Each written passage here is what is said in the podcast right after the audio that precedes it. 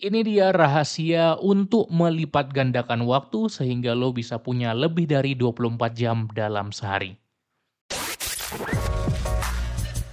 Halo, selamat datang di podcast Cerita Pembelajar. Kamu akan mendengarkan cerita mengenai pengalaman, gagasan, dan pembelajaran. Season 16 7 menit belajar skill masa kini.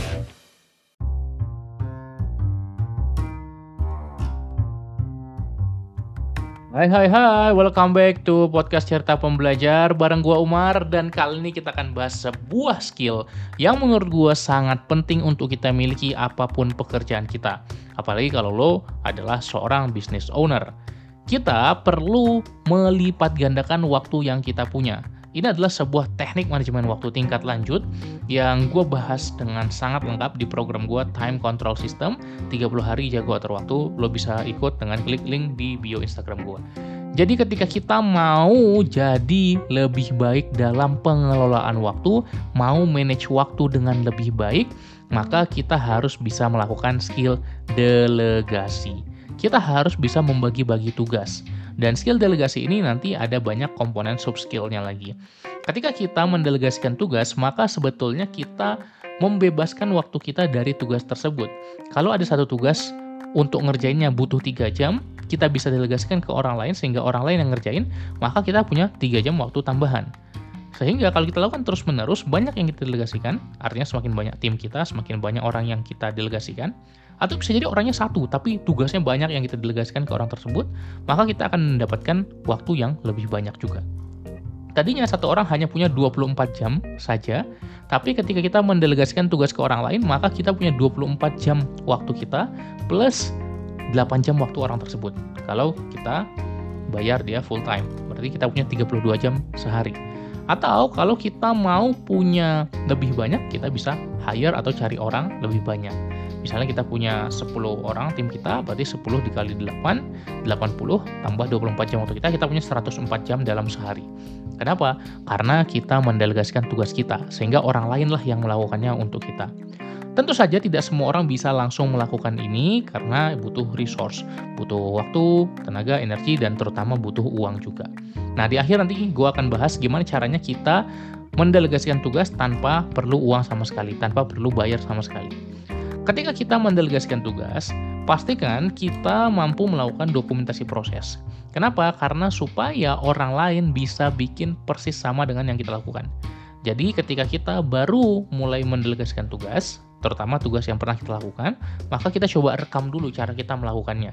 Bisa dalam teks, bisa dalam to-do list, tapi yang menurut gue paling bagus adalah dalam video gue sendiri pakai Loom di sistem yang ada di tim gue dan ketika gue ngerjain sesuatu gue rekam pakai screen record ada kameranya juga dan gue sambil ngejelasin oh ini yang gue lakukan ini yang gue lakukan jadi ketika lu nanti yang ngelakuin lu bisa ngelakuin persis kayak gue sehingga hasilnya benar sehingga revisi menjadi minim sekali dan sesuai dengan apa yang diharapkan Nah, dokumentasi prosesnya adalah hal yang perlu dibiasakan.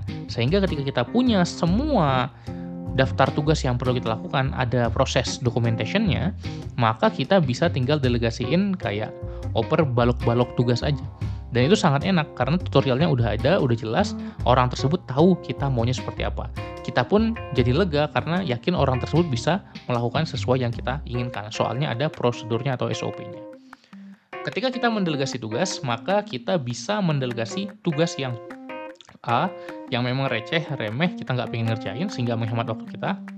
Dan B, memang orang yang kita percaya untuk hal yang besar atau tanggung jawab besar yang kita tidak punya kompetensinya. Ketika kita mencoba mendelegasikan tugas kita, kita bisa menghitung-hitung kira-kira perkiraan aja berapa sih layaknya orang dibayar untuk melakukan satu tugas ini, untuk satu jam ini, atau untuk satu minggu, atau untuk satu bulan. Artinya kalau satu bulan ya sebenarnya kita hire karyawan. Ketika kita sudah bisa menghitung seperti itu, kita bisa menentukan, oh kalau gitu layak gue mendelegasikan satu tugas ke orang lain. Sama seperti kalau kita ke barbershop, kita bayar si barbershopnya 30 ribu, 50 ribu, atau 100 ribu, karena kita merasa hal tersebut layak. Transaksi akan terjadi jika kita merasa mendapatkan nilai yang lebih daripada apa yang kita bayarkan. Jadi kalau misalnya kita rasa layak, ya udah kita bayar orang, maka orang akan membantu kita. Sebagai contoh, bahkan podcast ini openingnya bukan opening intro season ya, kan ada opening podcastnya, ada intro season. Tapi opening podcastnya itu bukan gue yang bikin. Oke, okay, of course gue yang rekam, tapi kemudian gue kirim ke Fiverr, itu gue bayar cuma 5 dolar plus 2 dolar untuk admin fee, ya sama mungkin sekian dolar kecil sekali untuk biaya gue pakai PayPal atau kredit gue lupa. Dan yang ngerjain adalah orang US, orang luar sehingga gua nggak ngerti audio engineering, gua nggak ngerti ngedit audio podcast, gua bayar dan cukup murah ya sebenarnya. Bahkan ketika gua baru mau mulai dulu, ya udah orang yang ngerjain dan gua terima jadi. Jadi ini sebuah skill yang sebenarnya bagus banget ya kalau kita bisa mendelegasikan tugas kita. Contoh, artikel gua di website, ya udah bukan gua lagi yang ngerjain, tim gua yang udah ngerjain sekarang nge-manage kelas, nge-manage komunitas, bikin konten, edit video. Ya, kalau gue kerjain habis waktu gue, gue gak punya waktu untuk ngerjain hal lain. Tapi gue oper ke tim gue sehingga mereka yang ngerjain. Nah, masuk ke satu rahasia yang gak banyak orang tahu. Orang ngira kalau kita oper tugas ke orang lain, kita harus bayar secara uang. Yang gak harus. Kita bisa bayar secara uang, itu bagus. Kita juga bisa bayar dengan hal lain apa value-value lain yang kita punya yang bisa kita kasih ke mereka apa benefit yang kita punya yang kita bisa kasih ke mereka kita bisa tukar dengan barang jualan kita kita bisa tukar dengan apa yang kita miliki dan contohnya gue ada beberapa tim yang internship di pembelajaran produktif itu memang unpaid internship. Tapi mereka merasa banyak banget yang didapetin. Kenapa? Karena mereka dapat e-course e-course akademi produktif yang mahal sekali memang harganya secara gratis secara free. Dan buat gue itu kan tinggal nge-enrollin satu orang lagi nggak bikin baru. Kemudian dia bisa dapat akses ebook gue dia bisa dapat coaching dari gue karena coaching gue mahal harganya jadi itu juga valuable banget dan terjadilah transaksi. Transaksinya apa? Ya gue kasih waktu gue kasih tenaga gue kasih produk gue lu kasih tenaga lu waktu lu. Nah kita bisa melakukan pertukaran seperti itu. Dan kalau value kita tinggi kita punya hal-hal yang uh, beneficial sebetulnya walaupun bukan uang kita bisa jadikan itu sebagai alat tukar. Atau bahkan kalau kita baru memulai kita bisa tukaran tugas. Misalnya lo butuh banget orang yang ngeditin video. Sementara temen lo butuh teman lo video editor ya butuh bantuan untuk content planning. Lu jago content planning tapi nggak jago edit video. Ya udah tukeran tugas aja. Gue bantuin content planning lo, lo bantuin editin video-video gue. Nah ada banyak lagi cara-cara kreatif yang bisa kita terapkan untuk mendelegasikan tanpa perlu keluar uang. Nah, ini adalah sarana untuk lo berlatih keterampilan delegasi dulu sampai nanti kalau lo udah punya uang banyak, lo bisa delegasi uh, dengan lebih baik lagi. Termasuk kita mendelegasikan orang-orang yang melakukan tugas-tugas receh atau bahkan tugas-tugas di rumah yang mungkin kita nggak suka.